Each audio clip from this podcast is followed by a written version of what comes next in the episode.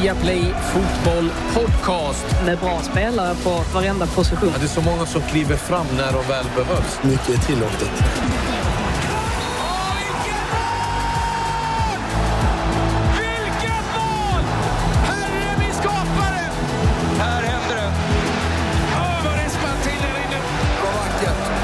Nej, bästa dagen på året. Det största som har hänt fotbollen någonsin i princip. Hjärtligt välkomna ska ni vara till Viaplay Fotboll Podcast. Och idag är det trångt här i I Like Radio-studion. Eh, Storbesök av eh, två herrar. Bojan och Jonas eh, är med oss. Hur är läget? Det är bra tack. Jag har varit i Skåne och hängt ett, eh, ett tåg, så jag kom upp med nattåget i morse. Men varför, Reser grönt. varför har du pass med dig? Han var till Skåne. Ja, exakt, det är det jag tänkte fråga dig. Nej, den där var låg, den var låg, men jag ville att du skulle ta den. Den var låg, den var låg. Jag ville bara fråga varför han har pass med sig, ska jag rymma? Han har ju skrivit nytt kontrakt nu. Och förresten, grattis. Ja, grattis. Tack. Grattis. Kommer du klippa under Jag de här tre skriver åren? bättre kontrakt i min karriär kanske. Detta. Jo, det, det kan jag tänka mig när du spelade i Premier League. Veckolönen. Erkänn att du satte in kortet ibland i automaten och tryckte bara för att se Bara för att balansen. se balansen. Ja. Ja. Det finns. Det är, det är tack vare sådana som Jonas de behöver skapa superligor. det är för dyrt. Fan, nu kan vi skämta alltså. Det är inte, ja. Nu kan vi Nej, skämta om Men det är kul, med, kul att få hänga med er. Ja, det här ska bli väldigt trevligt. Vi har mycket att eh, gå igenom och eh, det har ju varit ett par dagar sedan eh, den där superligan eh, kraschade. Frågan är, vad händer nu? Ja, vad, ja, jag trodde det var en fråga. När jag kollade ner jag trodde det skulle komma någon vignett eller någonting. Vad hände nu? Han hade den dramatiska rösten. Förlåt, i måndags fick ju José Mourinho sparken. Och vem ska ta över Tottenham nu? Och nu är det din tur Jonas. Yes. Och då blickar vi framåt mot ligacupfinalen och viktiga toppmötet West Ham mot Chelsea. Gick sådär med det löpet. Nej, jag var helt... Jag, trodde, jag var inne på att det skulle komma någon vignett eller någon intervju med någon med Superligan. Ja, förlåt Claes. Det, blir inte, det blir inte. CNN för dig framöver. Nej, men det, och jag kollade ner i pappret också. Jag, såg, jag kollade ner och såg vad det stod. tittade, vad det stod hände? på dagen senare kanske det är Superliga. Jag ber om ursäkt. Ah, ja, det gör inget. Eh, ja, Frida är inte med oss eh, idag, så eh, senaste nytt. Ja, det finns inte sådär jättemycket att eh, rapportera. Kan väl eh, ta någonting. Det är väl att det nu verkar som att det inte blir spel i varken Bilbao eller Dublin under EM, så att det kommer bli nya spelorter då för det svenska landslaget. Eh, inte helt hundra än, men det är de signalerna som kommer. Och eh, Sen börjar det ryktas om att Tammy Abraham, som har fått väldigt lite speltid under Tuchel, kan vara aktuell för Leicester och så verkar det väl som att det är helt klart nu med David Alaba till Real Madrid. Ja, det var väl det som eh, egentligen eh, vi hade att rapportera nyhetsmässigt. Ni vet själva, det har bara varit en enda sak det har rapporterats om i stort sett under de senaste dagarna och en av de som fick krypa till korset efter debaclet med superligan, det var Liverpools ägare John W. Henry. I want to apologize to all the fans, supporters of Liverpool Football Club for the disruption I caused over the past 48 hours. Goes without saying, but should be said, that the project put forward was never going to stand without the support of the fans. No one ever thought differently in England. Over these 48 hours, you were very clear that it would not stand. We heard you. I heard you. And I want to apologize to Jurgen, to Billy, to the players, and to everyone who worked so hard at LFC to make our fans proud. They have absolutely no responsibility for this disruption. They were the most disrupted, and unfairly so. This is what hurts most.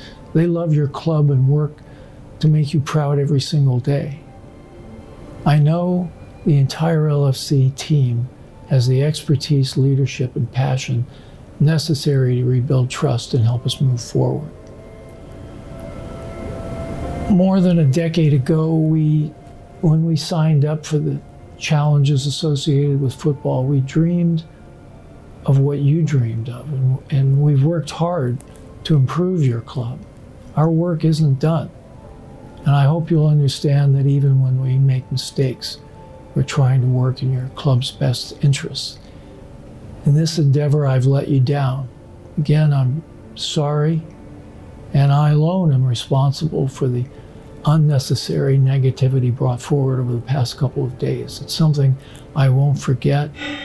Ja, det var en av eh, flera ägare som har fått krypa till korset och eh, be om ursäkt. Eh, vi ska alldeles strax komma tillbaka till det, men först vill jag höra era reaktioner när det här började liksom sippra ut i, i söndags om en superliga som skulle startas. Och hur gick tankarna? I söndags, helt ärligt, jag stängde av min TV. Jag skulle kolla på Napoli-Inter. Skulle njuta lite av Serie A också efter United och Burnley. Och då hade jag ingen lust. Ingen kraft längre. Det här är ingenting som är överdrivet. Jag pratar som en supporter nu.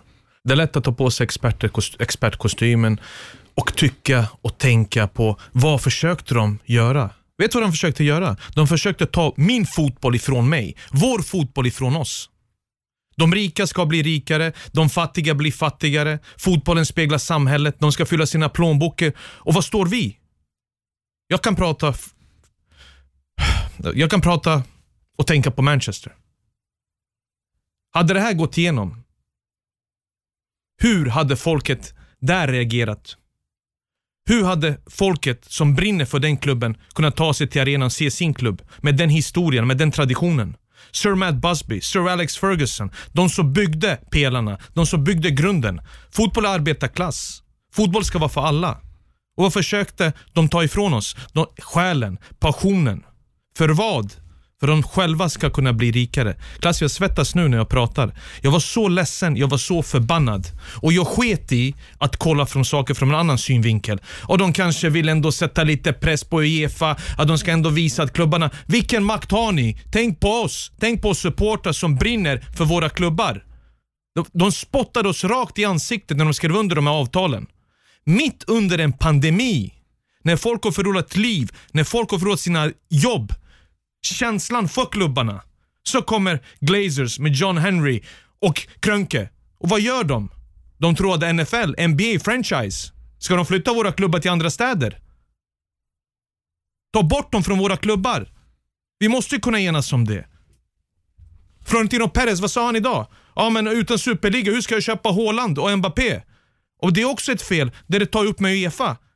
Det är också en organisation som måste kolla på sig själva. Det är också en organisation nu som ska spela Helle Tänk om vi kunde stå upp så här mycket som supportrar mot rasism då? För att sparka ut den också. Vi är mycket starkare än vad vi tror. Och vår röst räknas. Jag pratar inte som en Viasat-expert nu. Jag pratar som en passionerad fotbollssupporter. Som är trött på att bli behandlad som skit. Som är trött på att bli behandlad som en jävla vara. Jag vill ha min fotboll, jag vill ha min klubb tillbaka och då pratar jag om Manchester United nu. Och jag tror att det finns även Liverpool-supportrar som faktiskt står tillsammans med mig i den här första raden. För vi vill inte förlora hoppet, jag vill inte förlora min passion. Och den här superligan kan dra åt skogen. Och deras planer och vad de försökte göra. Hur kände du Jonas, när allt eh, började Nej, komma jag, ut? Jag instämmer med, med Bojan. Sen så tror jag väl ändå det är i hög grad positionering för de här klubbarna. Eh, letter of intent för att såklart de har insett värdet av sina, sina brands som klubbar och, och försöker Såklart som Borg är inne på, ja det handlar om profit, men eh, det här är ett par steg för långt. Men det är väldigt tydligt också hur eh, att makten fortfarande ligger hos folket, att det ligger hos fansen. Det, det är väl det positiva man har sett de här, eh, de här dygnen efter det. Då. Eh, Sen kan man väl också se i ett större perspektiv att ja, sporten och fotbollen, det, det är oproblematiskt var den, har, var den har gått de senaste åren. Om man nu pratar Premier League-klubbar, du nämnde amerikanska ägarna. Vi har ägare i City i, i, i stater som, om man nu pratar mänskliga mm. rättigheter och så vidare.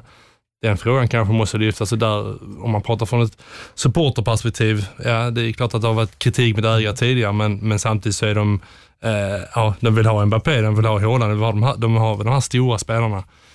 Uh, ja, då måste de kanske också inse att det, det kanske inte går hand i hand med, med uh, den typen av, av vad ska man säga, inställning till vad ska man säga, gräsrötterna och renheten i, i sporten. Man ska också ha med sig, tror jag, att jag instämmer med Bojan, men det är också, Bojan och jag är från en, samma generation. Mm. Jag tror att man ska också akta sig lite bara så att man inte någonstans ser sitt supporterskap som en sanning. För om man ser den yngre generationen, det förändras hela tiden tror jag. Jag tror inte du har den eh, eh, säga, inställningen eh, i den generationen som vad, vad en fotbollsklubb är. Utan det handlar mycket om de spelarna de knyter till sig. Du följer spelare kanske i högre utsträckning än vad du följer lag. Ehm, så det är ju komplext också i det tycker jag. Det handlar också om upp- uppfostran hemifrån. Kolla, du fortfarande kollar på Landskrona Boys resultat. Mm. Du vet vad jag menar? Ja, ja, just Med farsan. Mm. Och dina barn också, du vill ta dem ändå dit. Ja. Att du lär dem någonting. Att de har någonting som är nära hjärtat, som är deras. Mm. Och att även om vi kommer från min generation såklart, där jag brinner för mitt supporterskap. eh, Röda Stjärnan, AIK. Man är där, eh, i vått och torrt. Och även Manchester United så förstår jag, men de yngre måste också lära sig hur fotboll kom. När den grundades Mm. och vilka som började spela fotboll. För den är precis Men det tror jag, alltså, det är klart man inte får glömma historien, men det, man får också vara medveten om att den utvecklas hela tiden och attraktionsvärdet för en 20-åring kanske är inte annat än vad det är för någon ålder. Mm. Eh, det tror jag bara man ska ha med sig i, i, eh, i tanken. Sen så det, hela det här med, med ehm, det tror jag instämmer, alla instämmer i, liksom det, det stora faran är ju inte att de klubbarna bryts, bryter sig loss och någonstans inser värdet av sitt brand. Faran är att det är en stängd liga som, som förespråkar, tycker jag. Det, det är där, och det är många som sagt det innan givetvis, att eh, du någonstans kvalificerar dig med ekonomi istället för prestation. Och det är väl kärnan i det tycker jag. Jag Och sen också den, de här, förlåt, ber om ursäkt. Hej, vi kommer inte glömma. Tror du att en ursäkt på det sättet, på de här sociala nätverken, kommer göra så att allting är glömt? Det är som att jag ska säga till Jonas, jag skjuter mot Jonas med en pistol. Ah, förlåt Jonas, jag missade. Ah, men det är ingen fara, det är lugnt, det är lugnt. Vi är vänner imorgon igen. Ey, vad är det Vad är det för de håller på med? De är största varumärken. Vi pratar om United och Liverpool. Det är patetiskt att be om ursäkt på det där sättet. Ni vet ju vad ni skrev under. Och Ni bör också veta vilken historia de klubbarna har och vilka reaktioner det skulle framhäva. Så ta bort era ursäkter. Jag kommer inte glömma. Och jag hoppas inte folk gör det heller. Och också att inte se Uefa som en hyllelille organisation. För vi har ett VM i Qatar. Det är väl nästa sak vi måste ställa oss upp mot. Det är väl nästa sak vi måste diskutera och ta fram mot ytan. Hur många liv har gått förlorade där för att vi ska se fotboll? Det finns något som är större än fotboll och det är människoliv och det är människohjärtan. Så vi måste börja här. Vi får inte sluta bara för att man har vunnit en liten seger. Det är en liten seger. Det är en förväntad seger kanske, men den är välbehövlig för att få tillbaka tron igen. För att få tillbaka passionen. Och nu måste vi ta det. Det är bara årskurs ett. Låt oss gå till årskurs två. Diskutera andra saker vi kan göra för att förbättra vår fotboll. Och, Jag instämmer. Och det är det jag menar lite med att jag inser att fotboll och supporterskap är otroligt viktigt för väldigt många människor i, i, i den här världen. Men någonstans så reaktionen kring detta har ju blivit eh, otroligt mycket s- större än reaktionen att Qatar till exempel får hålla fotbolls-VM eller som du nämnde rasismen i, i, i Premier League som har varit ständigt närvarande hur länge som helst.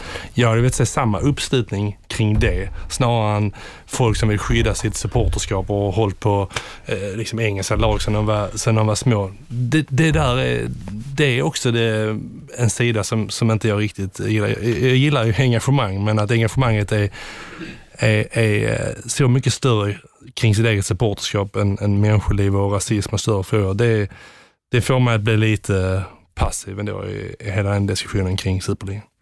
Alltså det jag fastnar för, det är ju, dels så tror jag liksom att, att de här klubbägarna har, ju- har ju missräknat rejält på hur reaktionerna skulle vara. För att Glazer har gått ut och bett om ursäkt. Hur många gånger har uttalat sig under de här åren han är i klubben? Knappt en enda gång. W. Henry fick gå ut. Eh, det är andra klubbägare som också fått eh, liksom, krälat i stoftet och verkligen säga sorry. Och Det tycker jag visar för att jag tror att de inte hade räknat med just att den uppslutningen skulle ske. Sen tycker jag liksom det Fan, har de inte varit på Old Trafford? Nej, men, Anfield? de, har de, inte de, sett de, nej, men de, de har inte fattat liksom grejen. Alltså, de LFC. Sitter där, men Det blir heter inte LFC, kompis. Nej, men det är Liverpool här- Football men, Club. men det är också så här att Alla soccer-fans så här, eh, det blir ju ganska tydligt när Perez som är 74 år pratar om hur ungdomar eh, konsumerar TV. Vad- Han vet väl inte ett skit om hur en ungdom konsumerar TV. En annan aspekt tycker jag liksom i det här, det är också, vi är ju alla någonstans delaktiga. Du pratar om brands. Alltså något jag får, jag, jag hatat när sådana här har börjat och det är när folk pratar om projekt. Ja, men det är ett intressant projekt. Det är inget jävla projekt. Det är en klubb. Arsenal är en klubb. Eh, City, eh, Liverpool, Manchester United de har funnits över hundra år. Det är inget jävla projekt vi pratar om. Och det, det var ett intressant projekt. Det är en klubb som är en institution. Du har eh, ett eh, Manchester United där som folk satte livet till för att åka och spela ute i Europa. Det är arbetarföreningar och att man inte har någon känsla för att känna, men hur funkar det här? Eh, det är för mig helt ofattbart. Sen är du också inne på en, en grej i det här med att vi har ju någonstans alla varit lite delaktiga till att de här ägarna kommer in. Vi vill ha nya spelare. Eh, vi, vi, ser mellan fingrarna att det är liksom en, en stat som äger eh, Manchester City som eh, ja, långt ifrån eh, upple- lever upp till mänskliga rättigheter. Men, men köper man en eh, bra spelare och oj, vi spelar ju fin fotboll, vi vinner. Men det, det gör inte så mycket för vi, vi vinner ändå. Eh, och Vi sitter ju alla och kräver att klubbarna ska värva nya spelare till nästa säsong. Vi sitter ju också och diskuterar att ja, men Grealish borde ju flytta från Aston Villa för han borde vara på den stora scenen. Om han är kvar i Aston Villa så kanske Aston Villa kommer till den stora scenen framöver. Du var inne på det Boja med, alltså jag blev så förbannad när jag hörde Perez säga att ja, men då kan inte vi värva Mbappé och Haaland. Det finns, jag gick in och kollade, 37 ligor i eh, Europa, proffsligor. Över tusen klubbar som är professionella. Hur många av dem kan värva Mbappé och Haaland? Det är väl ingen rättighet att Real Madrid ska värva de spelarna. Har du inga pengar, då kan du inte värva spelaren. Då kan du inte sitta och tycka synd om att men vi har inga pengar, vi går i konken. För att eh, jag har köpt Eden Hazard för x antal miljoner. Vi har agenter som årligen, varje år, så tömmer de fotbollen på över 500 miljoner pund som hamnar i deras egna fickor. Varje år 500 miljoner pund som eh, då bara försvinner från fotbollen. Inte filtreras ner till Landskrona, till Rinkeby United, eh, Åtvidaberg eller liksom en Wrexham i England, utan rätt ner med Inno Raiolas eh, ficka och de andra övriga agenterna. Det, det, det är för mig det som är så sjukt, att det bara ska finnas någon rättighet att de här klubbarna för, för evigt ska kunna köpa spelare och vara. Men varför kan inte Haaland, Sanchez eller Sancho till exempel vara kvar i Dortmund? Jag tycker det var skitkul om de var kvar där. Sen kan man ju också se på det att man kan reglera saker också. För de här prissummorna kommer bara skjutas upp där folk till slut inte kommer ha råd. Till slut måste de här spelarna stanna eller vänta ut sina kontrakt och då blir det att agenterna fyller sina fickor ytterligare. Där måste också Efa kliva in. Istället för att Cheferin ska gå och leka som någon ängel som vi vet att han inte är och hela den organisationen, så måste de se till faktiskt att vi tar fart. Att det här blir årskurs ett, att vi går mot årskurs två. Att det kommer ta tid, men att vi försöker göra saker rätt. Mänskliga värden. För det enda folk tänker på, det är pengar, pengar, pengar, pengar, pengar. Och till slut tappar man den här passionen. Till slut så stänger man av sin TV. Tänk dig när man tappade i söndags passionen till att se fotboll. När man går in med en match mellan eh, Leeds och Liverpool och det känns som en träningsmatch och man skiter i att det står en Champions League-plats på spel. För de valde att gå ut med det här i sånt viktigt skede på säsongen. Och sen är det för jävligt att de i det här läget sätter spelarna och mm. tränarna i en vidrig situation. För de helt plötsligt får stå upp för någonting som de inte har varit ett skit delaktiga i. Ja, exakt. Och det verkar inte vara någon kommunikation helst eh, alls. Internt. Så, som eh, Henry pratar om här, med som ingen, eh, varken med Klopp eller med, om ni pratar eh, Liverpool. Eh, så att timingen är ju otroligt, eh, otroligt dålig, dålig vald eh, också. Ja, men vi ska bli rikare. Men vad betyder det? Att 25 miljoner pundspelarna kommer att vara värda 100 miljoner pund ifall en superliga skulle komma? Ifall de skulle få de här miljonerna. Lönerna skulle vara ännu mer skyhöga. Det betyder att många klubbar under de här 12 skulle bara börja lägga ner verksamheten. De skulle inte klara av det längre.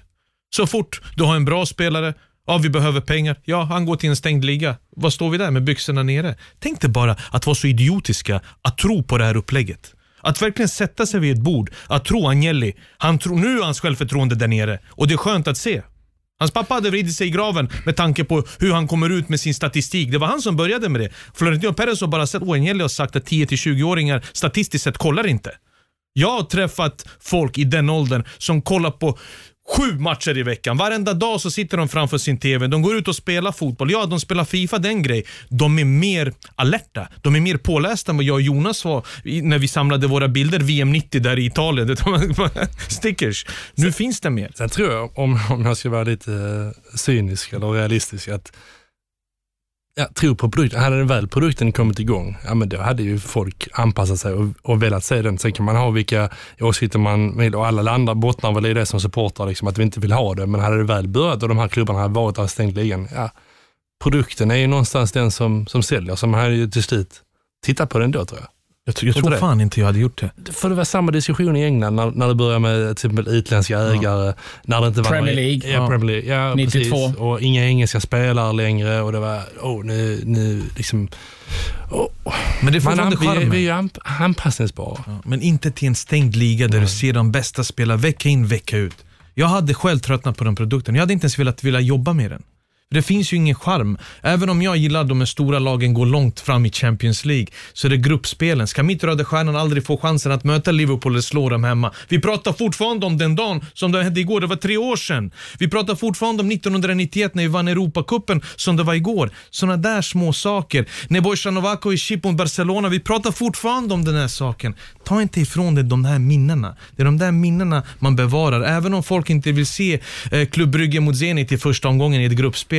Men det är just charmen att de har tagit sig dit. Även om det är mycket svårare nu och det kan bli även 2024 ännu svårare, så är det fortfarande en format där i Premier League, Sheffield United kan Och, eh, prata om Old och jag Trafford. håller med dig. Jag håller med dig. Men, men man kommer inte ifrån heller att det kan vara två faktorer i det. Det ena är det här charmen i att Mm. eh, ja, folk kan gå långt trots att de kanske inte eh, individuellt sett är bättre. Mm. Men det är också själva kvaliteten på produkten. Liksom, man vill ju se när Neymar eh, dribblar, man vill ju se Messi och hans eh, genialitet. Liksom. Så man kommer heller inte ifrån att kvaliteten också är en del av en stor del av det. Och jag menar, oavsett tävlingsmoment så, så har ju jag också en, en, när jag tittar på fotboll vill, vill jag se den kvaliteten. Och, och, eh, så jag menar att vi är anpassningsbara och ehm, eh, även om man inte vill ha produkten så tror Nej, jag nej, någonstans alltså, vi hade jag- leviterat mot det Det håller jag med om, men någonstans kan vi också vara så att när de här då redan jävligt rika klubbarna ska ha än mer.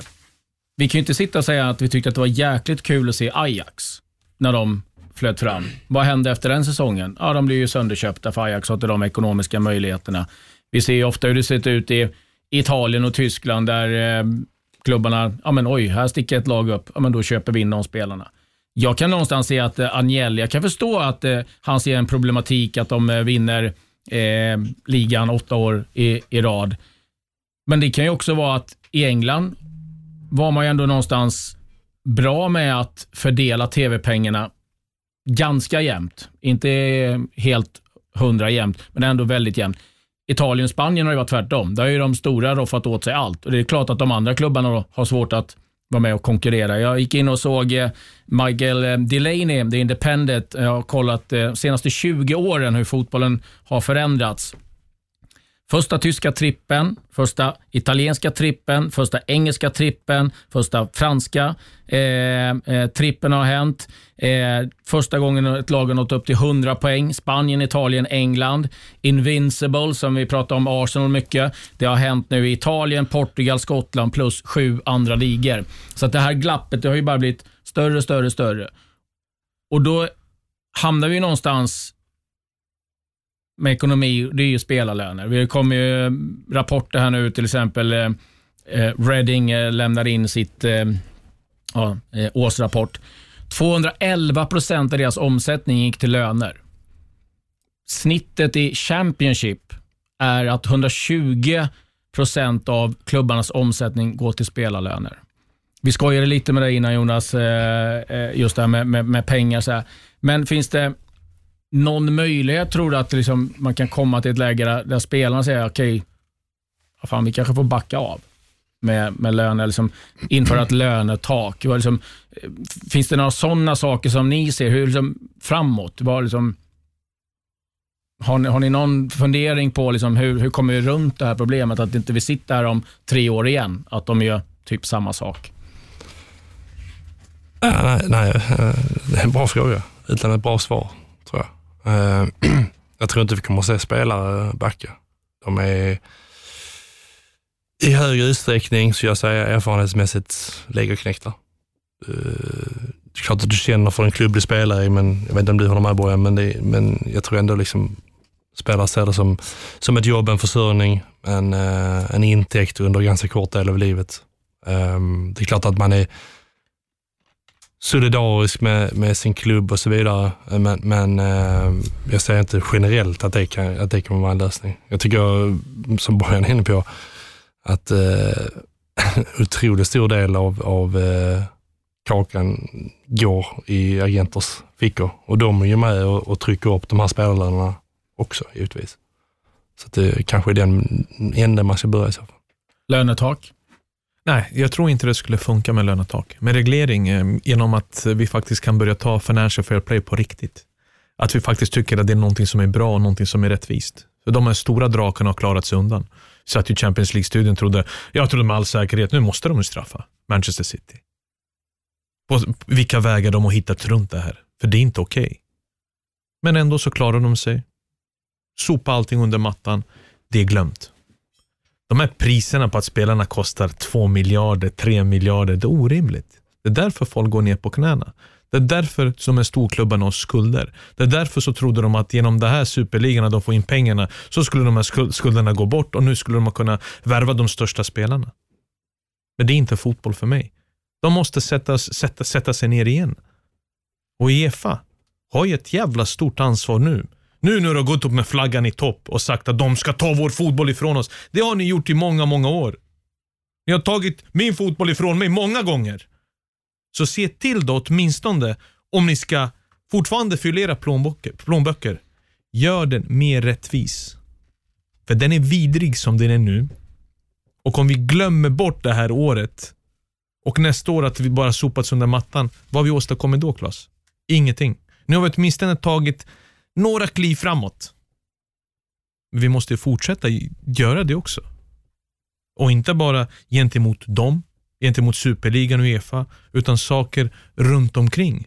Där vi som spelare, ex-spelare, experter, vanliga människor faktiskt blir lyssnade på. Att min röst kan räknas. Vi pratar om det här och jag brann, alltså två dagar och sov inte. Helt ärligt, jag tänkte jag skiter i fotboll. Jag går på mitt division 4-lag och jag mår bra. Grabbarna försöker, första touchen sviker, men de krigar, de älskar det. Det är plus tre grader ute i, på Örvallen i Hallonbergen där vi tränar med Rinkeby United. Det är plus tre grader på Knutby bollplan i Rinkeby, men de är där, de fryser.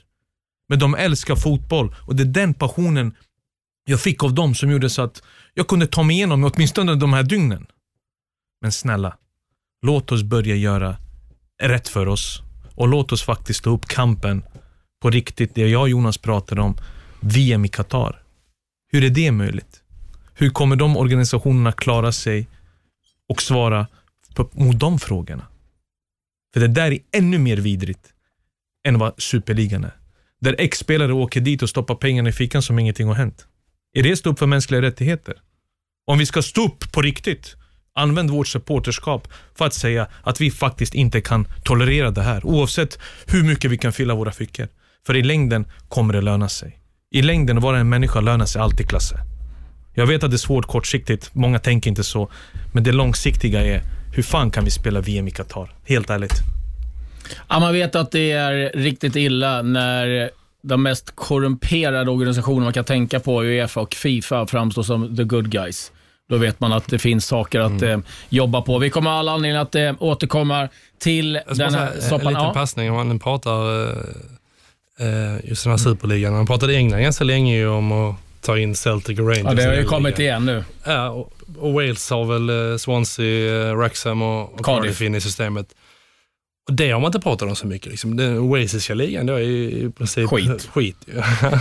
Ja, det, ja. Nej, och vad skulle Jag Skott- gillar att du försökte vara snäll mot walesiska ligan. Nej, och, men jag menar också med Skottland, om Rangers och Celtic eh, lämnar den, ja, var är man då? Det, då är ju liksom, då är de lagen eh, stängda för de andra skotska lagen. Mm. Och det har man inte, det har man sett som en, en, vad ska man säga, en realistisk och, och ganska rimlig framtid, i alla fall i England, om att eh, få med de två lagen. Så att, eh, det ska man också ha i, i åtanke där att um, där har man lite dubbel, lite dubbel idé tycker jag. Ja, det är som sagt eh, uppe på tapeten. Det var ju Martin Lipton som kom med den informationen igår kväll att det, det fanns planer på en sån liga nu. Att, ja, det händer onekligen saker. Viktigt möte på fredag, Uefa. Jag vet att man också tittar på att eventuellt ta bort den här koefficienten som vissa lag då kan slingra sig in i, Ja, men i snälla, Champions den League. också. Ja, nej, men den hoppas vi att den Sluta, bara du har ryker. slutat sexa, man bara, den nej du hoppar nu. över. Du går in Men- där, koefficienten är bra. Hoppa in du, spela lite Champions League-fotboll. Katastrofsäsong i Premier League. United slutar säga, nej men det är varsågod. Ni får spela Champions League. Medan vi krigar sönder oss för att nå igenom tredje kval, kvalrundan. Det blir som Argentina. De räknar ihop de senaste säsongerna. Det var väl ett par år sedan. Jag tror det var River Plate som åkte ur. Då gjorde man om ligasystemet så att det är att man räknar ihop de tre senaste säsongerna. Det är, det är kul att sitta och kolla på tabellen där. Va? Jävlar, hur var det nu för ett par år sedan? Var hamnade de? Ja, vi, vi lämnar den här diskussionen. Vi ska fot, foka lite på det som hände på plan och eh, det var ett par heta matcher igår. Prowse, den är lite lägre och där har vi målet. Danny Ings är det som nickar in 1-0 för Southampton efter en halvtimme. Underläge för eh, Ryan Mason. Kans Tottenham. Son, Lukas, Lukas och så är det Salisu som blockar och Bale! Det där är riktigt elegant. Gareth Bale, 1-1. Son där eh, på den och sen är det Aldebereld skott här och så är det Genepo som går in riktigt tufft eh, och fult mot Regilon. Ja, det är eh, straff. 89 minuten, straff för eh, Tottenham. som ställs då mot eh, Alex McCarthy. Ja, är säker. Han tar tid på sig, samlar sig, men är behärskad när det väl gäller. Och där blåser domaren av den här matchen. Det blir seger för Ryan Mason. Då blir han också den yngsta Premier League-tränaren att vinna en match med sina 29 år. Ryan, congratulations. You said you wanted to see energy and fight this evening. What did you think of what you saw? I thought it was fantastic. So proud of the boys. Um, so much energy, so much bravery, um, especially after the first 20, 30 minutes as well. I thought they come out the blocks. They were, they were very good in the first half. We found it difficult at times, but listen, the guys showed belief. They, they stuck to, to the plan, and full credit to the guys because the energy, the commitment, the bravery, and I'll be honest, I thought there was only one team that was going to win it. Um, the disallowed goal was, was disappointing, but listen, that, that didn't affect the guys' mentality, and um, so, so proud of the boys. Där är det direkt med Villa och det är mål! Det är mål direkt! Det har gått 20 sekunder när John McGinn sätter 1-0 för Aston Villa. Vilken öppning för Villa. Här är Mahrez. Släpper han ner den bra till Bernardo Silva. Här är Foden och det är mål! Där gick det undan. 1-1. Silva. Ja, det är Martinez. Han kommer ut fel. Rodri nickar in 2-1 till City. City tar ett nytt stort steg närmare mästartiteln med den här 2-1-segern på Villa Park.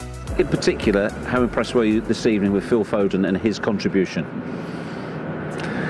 He's growing. This guy is growing. Uh, he's making steps every time, steps forward. So his influence in our game is, is massive right now. So scored a goal, provoked the two yellow cards, and then the final third always have the feeling create, run a lot. He's so aggressive without the ball. Uh, yeah, he's, he's becoming a, a serious player. Is he ahead of where you expected him to be at this age? There are there are guys with a 19, 20 year old that are unstoppables, and there are the other ones with 29, 30 they are not. So he, the players mark what they are on the pitch, on the grass, on the green, and and that dictate in that in this place dictate who they are. And Phil, from right now for uh, the last games especially, is, is becoming a so important player. So against Dortmund, We scored a, you know, we scored a goal. Uh, the second one, the cross for the penalty, the final goal in the last minute against Dortmund at home. His influence in the final third is so important, and he can play wide, can play inside. He's so aggressive with the with the ball. And yeah, just recover, recover well, and, and think next one. Mm, det blev eh, vinst för Tottenham, det blev vinst för Manchester City, lagen som ska mötas i ligacupfinalen här på söndag. Vi eh, börjar väl dock med eh, Tottenham. Jonas, såg du någonting som kunde skilja åt det man har sett från Spurs tidigare under Mason? Nej, det tror jag inte. Det är väl lite tidigt.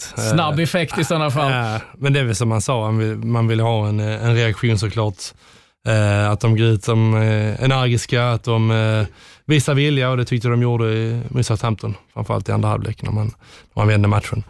Eh, Mason är ju en nödlösning känns såklart, Ja. eh, säsongen ut. Jag tror det är ganska Timingen på att de eh, sparkar Mourinho nu innan ligacupfinalen, det tror jag är eh, medvetet. Att de vill ha en reaktion innan dess. Um, sen är det mest spännande vem som, vem som kommer ta över nu givetvis. Men det kändes, känslan med Spurs och Bojan kommer eh, vara ännu mer kritisk här känner jag. Men- känslan har ju varit länge att, eh, att det har gått att stå under, under, under Mourinho. Och eh, det var ju bara en tidsfråga inte när, när han skulle få gå. Jag trodde han skulle sitta kvar till sommaren, men eh, nej, men trots allt, man har en cupfinal, man är fortfarande inblandad i, i eh, Champions League-platserna. Så att ehm, eh, det är väl därför de har gjort det nu tror jag, för att få en, eh, en effekt och den effekten man kan få då ofta är ju, är ju ja, vilja. Sen så handlar det också om och, och de här spelarna som kanske inte har eh, presterat så bra. Du vet, Daniel Levy, han är ju väldigt, eh, vill ha avkastning på utvecklingsbara spelare. Mourinho har ju inte fått igång Dele Alli till exempel, Harry Winks har inte fått mycket speltid. Gareth Bale har inte heller kanske satt det avtrycket som, som man hoppats på. Så att, um, uh, det tyckte jag i så fall kanske var tydligt med, med uh, Masons första match. Att han, um, med sin ålder och sin uh, här, inte brist på auktoritet, men man förstår ju att han är ganska styrd när han, han nu tar över de här sju matcherna. Jag tror Tottenham-supporterna behövde bara se en av deras. Du vet att slippa se José Mourinho vid avbytarbänken. Jag tror bara att den saken gjorde så att de tyckte det var skönt att se sitt Tottenham. Att se Ryan Mason, 29 år, var tvungen att sluta tidigt. Någon de uppskattade, respekterade. Någon som spelade med Harry Kane. Kom igenom. Det finns ju mycket nostalgi och när du har så mycket nostalgi mot någon så får du tillbaka den passionen och viljan. Och första kvarten var de virriga. Loris gjorde Mm. en fenomenal dubbelräddning. Första- Ja, det var någon kommentator, du vet inte vad han heter, Claes Andersson tror jag. Han var ute och cykla. Han var helt ute och cykla. Men andra halvlek så gillade jag verkligen, alltså vändningen. De fick också ett mål underkänd där i 75 minuten, Son när Lucas Mora var i- vägen eh, för målvakten, men de lyckades få till den där straffen. De lyckades få till den här tre poängen. Och det ska bli intressant att se om det som läckte ut, det Jamie Redknapp sa angående varför de valde att sparka Mourinho eftersom de var utanför topp 6. Och är de utanför topp 6 så skulle det inte kosta lika mycket att sparka Mourinho och det är därför de valde att göra det nu. För de tänkte att går de in till topp 6 så kommer det kosta mer. Det var så här, de, de hade ju så här klausuler. Det var topp 4, så här mycket kommer det kosta ifall de är topp fyra, ifall han ska få sparken. Topp sex och sen är var det en stor förändring i summan ifall de var utanför topp 6 när de valde att ge honom sparken. Och de var utanför topp 6 och de skulle möta Southampton. Då tänkte de, Uff, slår vi Southampton, vi är tillbaka där. Och då är han kvar i ligacupfinalen också. Så att det fanns ju, det, det läckte ju. Det var Jamie Redknapp som, som sa det och jag litar ju på att han har ju informationen om någon annan, om sin klubb där han får ganska mycket skit när han ska tampas mot eh, Roy King. Roy Keane. om, om kvaliteten i Spurs. Var landar man där då? Man, man landar i att det är en högkvalitativ Det är en trupp. bra trupp. Det är en bra trupp som ska vara framåtlutad, som ska vara aggressiv, som ska tro på de kvaliteterna spelarna har offensivt, defensivt, enkel att försvara sig med. En dubblé Höjbjerg. Det ska bli ointressant att se ifall de tar tillbaka Oliver Skip som var fantastisk för Norwich också. Så det finns ju väldigt mycket att se fram emot. Det gör det går att göra det här laget betydligt bättre. Men under José Mourinho, helt ärligt, det har varit en sömnpiller. När du är inne på Redknapp, det är klart att Daniel Levy Inte Harry, vet vi. Ja, ja, men eh, Rednap, eh, är eh, tight med stålarna och Rednap han kan ju varenda klausul som finns när det gäller Jo, det mjölka det- stålar. Så Jo, han, han har bra gener där att eh, hämta ut grejer ifrån. Mourinho, vad händer nu? Vad, vad, vad är framtiden för José Mourinho, tror ni? Det är en bra fråga. Eh, Landskrona Boys. Nej, men, men om man säger framtiden, han, han tillhör ju, tycker jag, ett släkte av fotbollstränare som, som någonstans eh, eh, börjar fasas ut. Eh, och det kan man knyta an till de som spelarna som, som, som de pratar om ska, ska ersätta honom. Nagelsmann, Eddie Howe, Scott Parker eh, och så vidare. Så, så att ehm, jag tror jag tror inte vi kommer se eh, Mourinho i, i, eh, i en klubb eh, i England. Sen så är det mm, med de tränarna såklart att de, de verkar, oavsett hur, vilka resultat de gör, så, så verkar de vilja landa bra jobb trots allt. Och eh, Mourinhos USP är väl fortfarande hans, hans trots allt auktoritet och hans sätt att driva sin linje utan att, utan att påverkas av, av ägare eller av, av media och så vidare. Och, och det är väl en styrka i sig, men eh, det kräver också att du har en bra linje från början. Det som jag tycker... Landslag. Ja, Jag tänkte, det är ta ett landslag. Portugal. Nej men helt ärligt. För att han ska inte vara där varje dag på en träningsanläggning. Och han själv kommer vara missnöjd ifall han går till en klubb som är betydligt mindre. För han ser sig själv fortfarande vara José Mourinho med all rätt. Han skulle må betydligt bättre att faktiskt hantera ett landslag. Ett landslag som slåss om saker, som slåss om mästerskapstitlar, Det hans fotboll fortfarande skulle vara attraktivt. På landslagsnivå så vill vi bara se våra landslag vinna och ta oss långt i slutspel. Vi funderar inte så mycket på om vi har spelat bra eller inte, det är resultaten som räknas i slutändan. Och för hans del, att kunna ta ett, tillbaka, ta ett steg tillbaka, luta sig tillbaka och hitta tillbaka passionen och glöden igen. För nu är han bara neråt, han är bara besviken, han känns väldigt trött och han känns väldigt missnöjd med tillvaron. Att hans sätt funkar inte längre. Att han inte ens klarar av att organisera ett försvarsspel. Där försvarsspelarna blir sämre under hans ledning, det såg man inte komma. Så för mig att ta över Portugal, efter detta EM, det hade varit kanske något som är perfekt för honom för att få tillbaka det här hjärtat och passionen för fotbollen. Jag tycker ändå det är intressant med Mourinho. Det kändes att han gjorde ett försök att förnya sig lite grann. Bytte ut sin backroom staff, eh, tog in lite eh, nytt folk. Vi ser ju, men Angelotti utvecklas ju hela tiden. Inte så att han står still. Roy Hodgson eh, har ju ändå liksom någonstans eh, hängt med i, i vängarna. Men det är inte att han är liksom fast vad det är han gjorde i Malmö FF eh, eh, någon gång eh, eh 70-80-talet. Så att det, bara för att man är gammal behöver det inte betyda att man inte liksom är utvecklingsbar. Det är liksom bara för att man är ung så betyder det ju inte att du, liksom, Nej, så är det. att du har rätt. För Men det jag- kan jag bli lite irriterad på. Liksom, nej, att, jag håller med dig. Det, är bara, det bara känns, alltså, det bygger inte jag på någon, eh, någon eh, fakta, men känslan med Mourinho är att han har blivit mer och mer bakåtsträvande, defensivt inriktad eh, när fotbollen har gått den andra Framåt, vägen. ja. Och det är ju där han, han känns eh, gammaldags tycker jag. Samtidigt inte första gången. Han har varit i Chelsea, han har varit i Manchester United, han har varit i Tottenham nu i England. Det betyder att de broarna är brända för en stor klubb i England att han ska få den tjänsten. möjligen, möjligen Italien. Men Italien, det är Inter. Han vann allt som gick att vinna, men ska han förstöra det också? 2010, låt det vara 2010. Låt det vara ditt år och Inters år, när du gjorde saker som ingen trodde var möjligt med fantastiskt lag. Ni vann ju trippen. Ni vann Champions League. Du var kung. Du lämnade som en kung. Förbli en kung istället för att gå och, vad ska jag säga, förstöra ditt rykte gentemot Inter-supportrar ändå, nu när Inter är på väg att vinna Serie A på... det, var, det var ett tag sedan. Hur går det på söndag? Ligacupfinalen. Manchester City vinner. De kan inte vara så där dåliga igen som de var i fa Cup semifinalen. Nu räknas det någonting, det är fortfarande en titel och i ligacupen brukar vara Manchester City. Så jag säger att City vinner mot Tottenham. Jag tror City också, trots att de har sladdat eh, uh, FA-cupen mot Chelsea.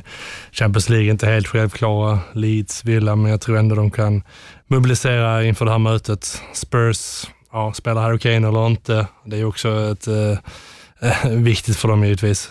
Och det man såg av Spurs mot Southampton tyckte jag inte indikerade på att man, man helt plötsligt är ett nytt lag. Så att, jag håller City som klara favoriter. Mm, får klara sig utan. Eh, Stones, ska jag säga. Stones som fick rött kort i eh, matchen då mot Aston Villa. Nu är det dags för tipshörnan.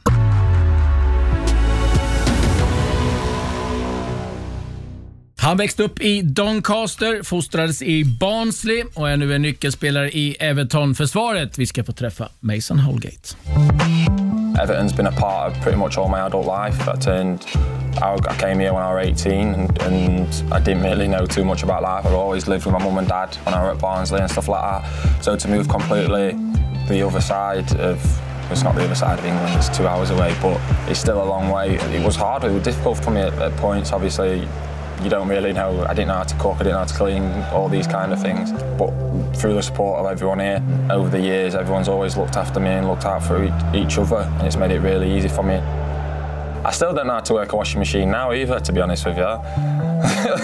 I used to take it, I used to just pile it up for a week or two and then just take it all in a big bundle to my mum. But um, as, as I progressed, I got a cleaner, so now I don't have to take it back. Um, but I still wouldn't how to turn a washing machine on or anything either. So obviously Barnsley was 20, 20 minutes away from Doncaster. At the time, I'd, Doncaster was in the, the conference, so they didn't have an academy. So Barnsley was pretty much Barnsley and the Sheffield teams are the closest ones to me. But Barnsley had a, a great record, will still have a great record of bringing people through. Um, so I went there when I was I think the first session I went to, I was six, and then I've just been there, and that's all I ever knew growing up, being at Barnsley. And then to be able to get a chance to go out and play for the first team when I was uh, just turned 18, it was unbelievable for me and for my family, and it's something that I'll always remember. It's quite mad because if you look around, there's not obviously looking a lot of teams. There's not a great amount, but we seem to have a lot here. Get a lot of banter from the from the, the physios and stuff like that when we're walking about and we're talking, uh, just because of our accents. Some are stronger than others. I think probably list of orders is strongest. I think probably Delphi's is strongest. Is is broad, really broad, and then probably mine, and then Ben's, and then Dom's. Dom's is not that strong.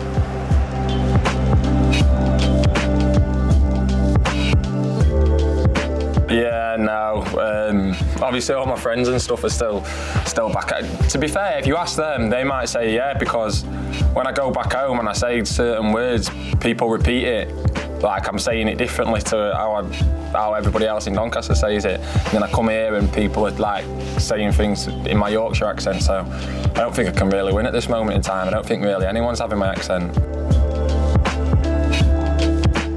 Yeah, that was brilliant for me and my family and a really proud moment. It's a real family club and to be able to go out and lead the boys was a massive moment for me and I was I was very proud to do so. Looking back, obviously, it is, I have come a long way. Um, but when I signed for Everton, this is what I, I believed I was going to be doing. I wanted to come and play week in, week out.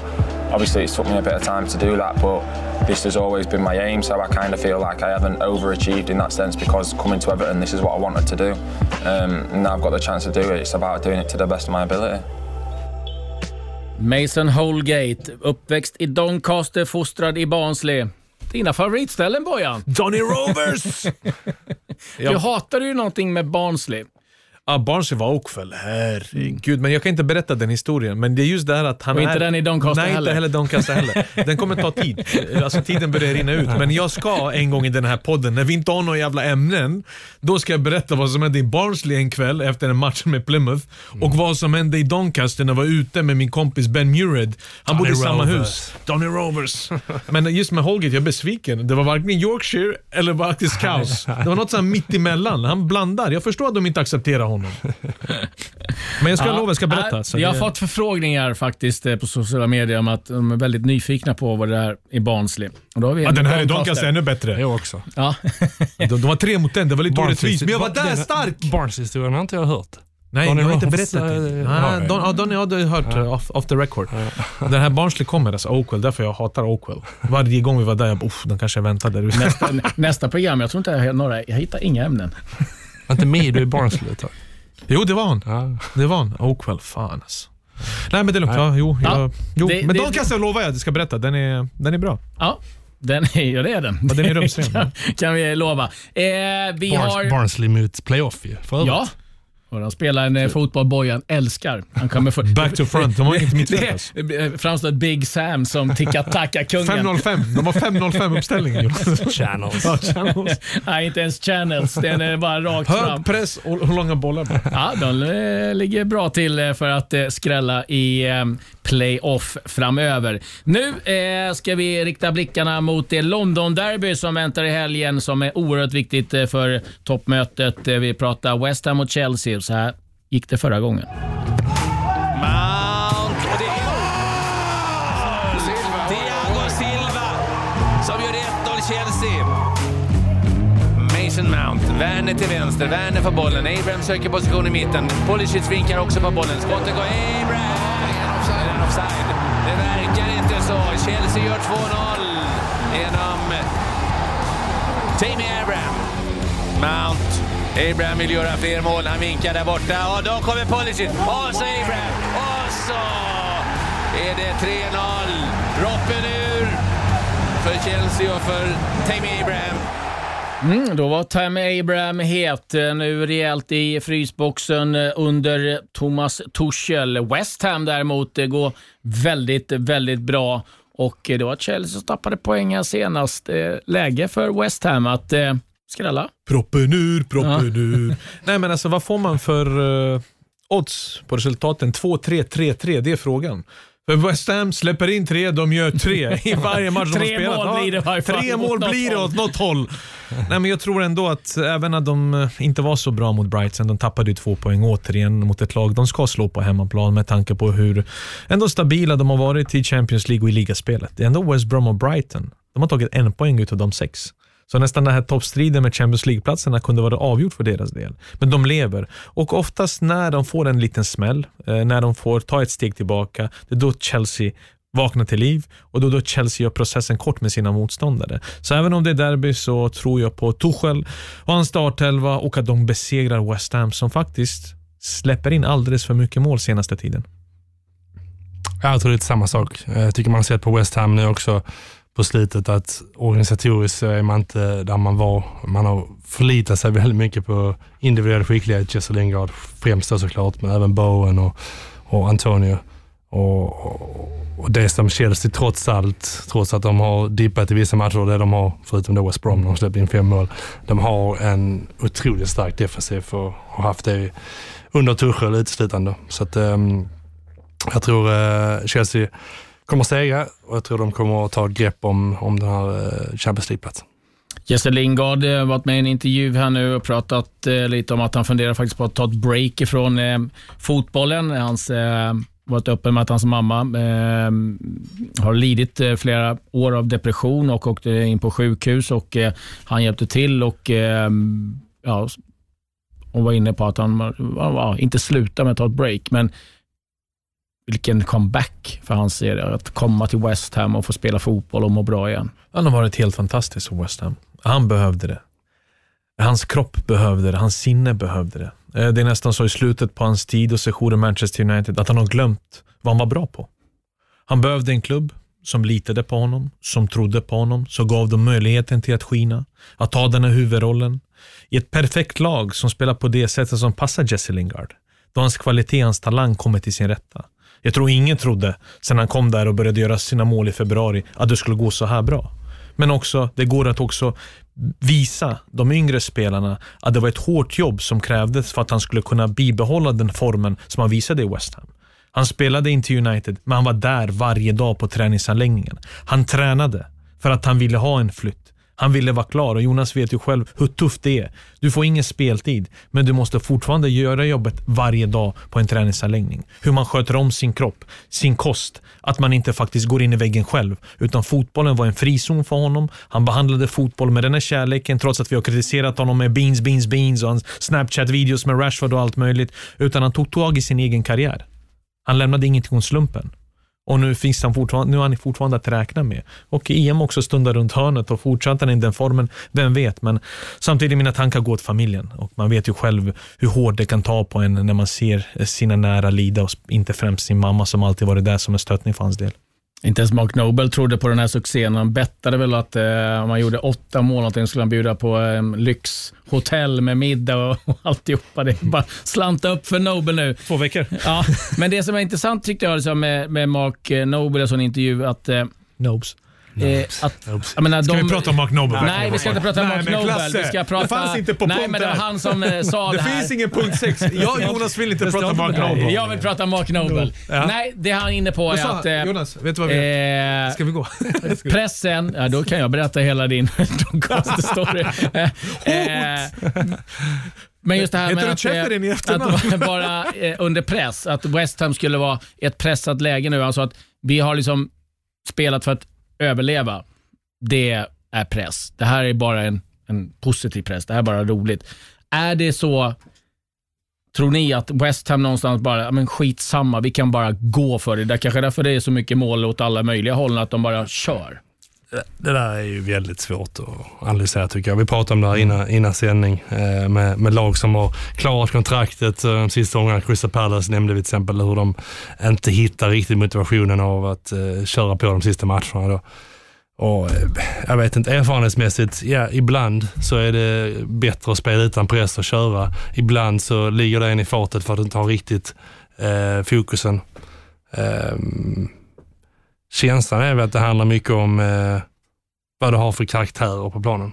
Uh, och, och jag upplever som att West Ham har, har, eh, de har ledare, de har eh, spelare som, som, eh, som verkligen brinner för West Ham och brinner för varandra. Och jag tror det är, är, är det viktigaste i, i en sån här situation. Och, ja, det är klart som man är inne på, nej, det, det är mer press givetvis att spela för, för nedflyttning.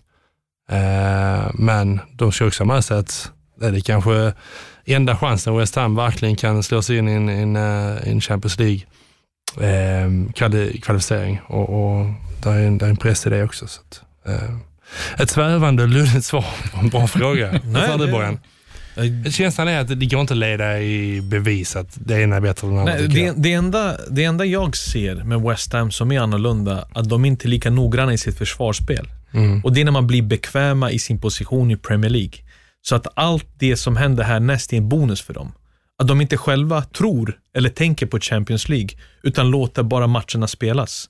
Där offensiven faktiskt får ta mer plats, att de visar att de kan göra mål, men samtidigt bakåt så läcker de. Någonting de inte gjorde när fortfarande när överlevnad i Premier League var på spel, som i början. Det var nummer ett. Låt oss överleva i Premier League, låt oss vara en mittenklubb och sen får vi se vad som händer. Nu när de befinner sig där uppe så ser jag tydligt i alla matcher jag sett senaste månaden att det kommer en period i matcherna där de faktiskt släpper till sådana chanser att det ledarskapet som man förväntade sig om, den här trion med Declan Rice och de två mittbackarna, de är inte alls lika synkade som de var i ett skede på säsongen där de verkligen ville bara komma upp i ett poängantal och sen njuta av den säsongen som är framför dem. Det är också så att, att eh, de motståndarna som Newcastle då för, för helgen, de förhåller sig också till West Ham på ett annat sätt än de gjorde på, på hösten. Ja, men nu lämnar de över bollen. Ja, men driv ni matchen då. Visar ni att ni är ett lag som, som, som ska ligga fyra eller femma. Eh, och då är det klart också att man, man öppnar sig ännu mer och blir kontrad på som man blev i den matchen. Så, så att, eh, eh, det som jag heller inte glömma i, i, eh, eh, i kritiken eh, kring dem. Då är Nobel som bäst när han får diktera bollen. ja, Bojans favoritspelare. Är det något annat du vill säga Ryan Bojan innan vi, vi rundar av? Att eh, folk ska kolla på våra sändningar lördag och söndag, men också lyssna på vår podd som kommer ut eh, senare idag. Samt Ed Woodward är borta. Det är ni. Ed Woodward är borta! Kommer någon ny? Nej, förhoppningsvis inte. De, de, blir har hundra stycken på lager. De har hundra stycken på lager, men det måste de väl inse också. Supporternas makt är stor. Nu gäller det att göra saker rätt. Annars får de faktiskt sälja klubben till ett bra pris till ägare som bryr sig. Tyvärr har vi inte rätt ägare på plats just nu eller folk som vill punga ut de där pengarna. Men saker och ting måste ske för att vi ska få tillbaka vårt Manchester United. En klubb som faktiskt tävlar om Premier League-titeln och att gå långt i Champions League och inte bara hoppas. Så att jag fick det avslutet, men på söndag kommer sågen fram. Då har jag mer utrymme, mer tid att prata just om den mannen som har avgått. Halleluja! Jag kan fortfarande, jag kan fortfarande inte fatta hur fansen kom in på! Carrington. Du har varit på Carrington. Men hur lätt är det inte? Har du varit på Carrington? Ja, det är finns ju bara den omöjligt. första rampen. Man trycker, han bara alright och så lyfter han den. Så om du hoppar runt, han säger bara alright, alright Bouch, alright Bouch. Men problemet är Jonas, att du kan ju faktiskt hoppa över den eller gå under den. Och sen är det Jag typ... kan säga så här, så, så, så, så där ser det ut när Bojan kommer. Jo, när man är kommer ingen- med en kamera, då kan jag säga, då är det en annan Vet du när jag kom där, uppslutning. jag vet när jag kom där med min, min, när jag kom med lila Porsche hade jag, du vet. Jag tänkte nu måste han känna igen mig, du vet, fan jag har varit här i fem år. Jag kommer jag trycker, han bara How are you mate? Jag bara, vad säger han? Han bara, How are you mate? Jag bara, Bojan? Han bara, who? Oh, så hörde en annan man bara Oh, right Bouch! Welcome! Så jag fick kriga med honom med min lila Porsche som jag precis köpt. Han bara Who are you? Och Jag bara you? Jag bara, "Vem- är jag? Jag bara, jag spelar här i fem år. Så jag släppte in mig du vet, och folk började samlas. Nej, det, det är den.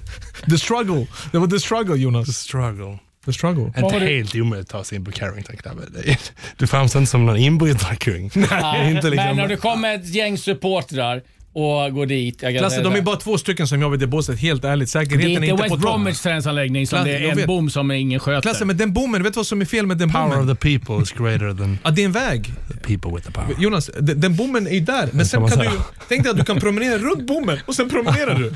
Det är bara för bilarna, den lyfts ju. Hur tar man sig in? Och hur tar man, du bara promenerar runt. Och sen är de bara två stycken i det bås, de är trötta på livet de här säkerhetsvakterna. Det är samma. Jag, De var med i de här som stod där. Man, de, alla trycker på det enda de gör, de bara trycker upp, trycker upp. Så att säkerheten är inte den bästa på Carrington om vi ska vara helt ärliga. Nej. Jag var där för att det var samma sak hos Thorström. Jag kunde Va? promenera den vägen. du ja. Ja, men sen finns det ju en bakväg också. Det var, den Där tog man, vi- där tog det är man, där- där fanns inte kameror. komma någonstans. Den tog man när man var sen, så Aha, inte kunde. Fergie kunde se att man kom sent. Det finns en bakväg. Hur många gånger i veckan tog du den? Ja, det beror på vem som körde. När jag körde tog vi den, när John körde tog vi den andra. Han var ju alltid i tid. Vaknade i tid, allt möjligt.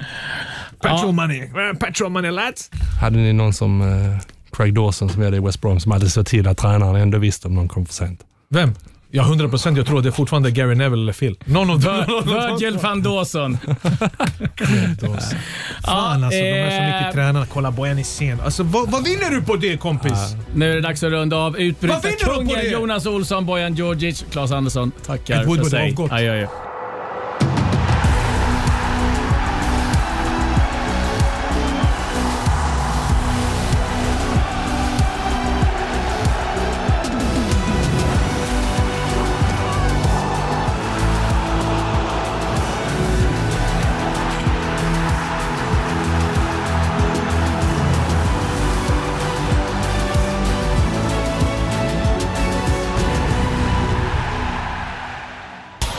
Produceras av I Like Radio. I like radio.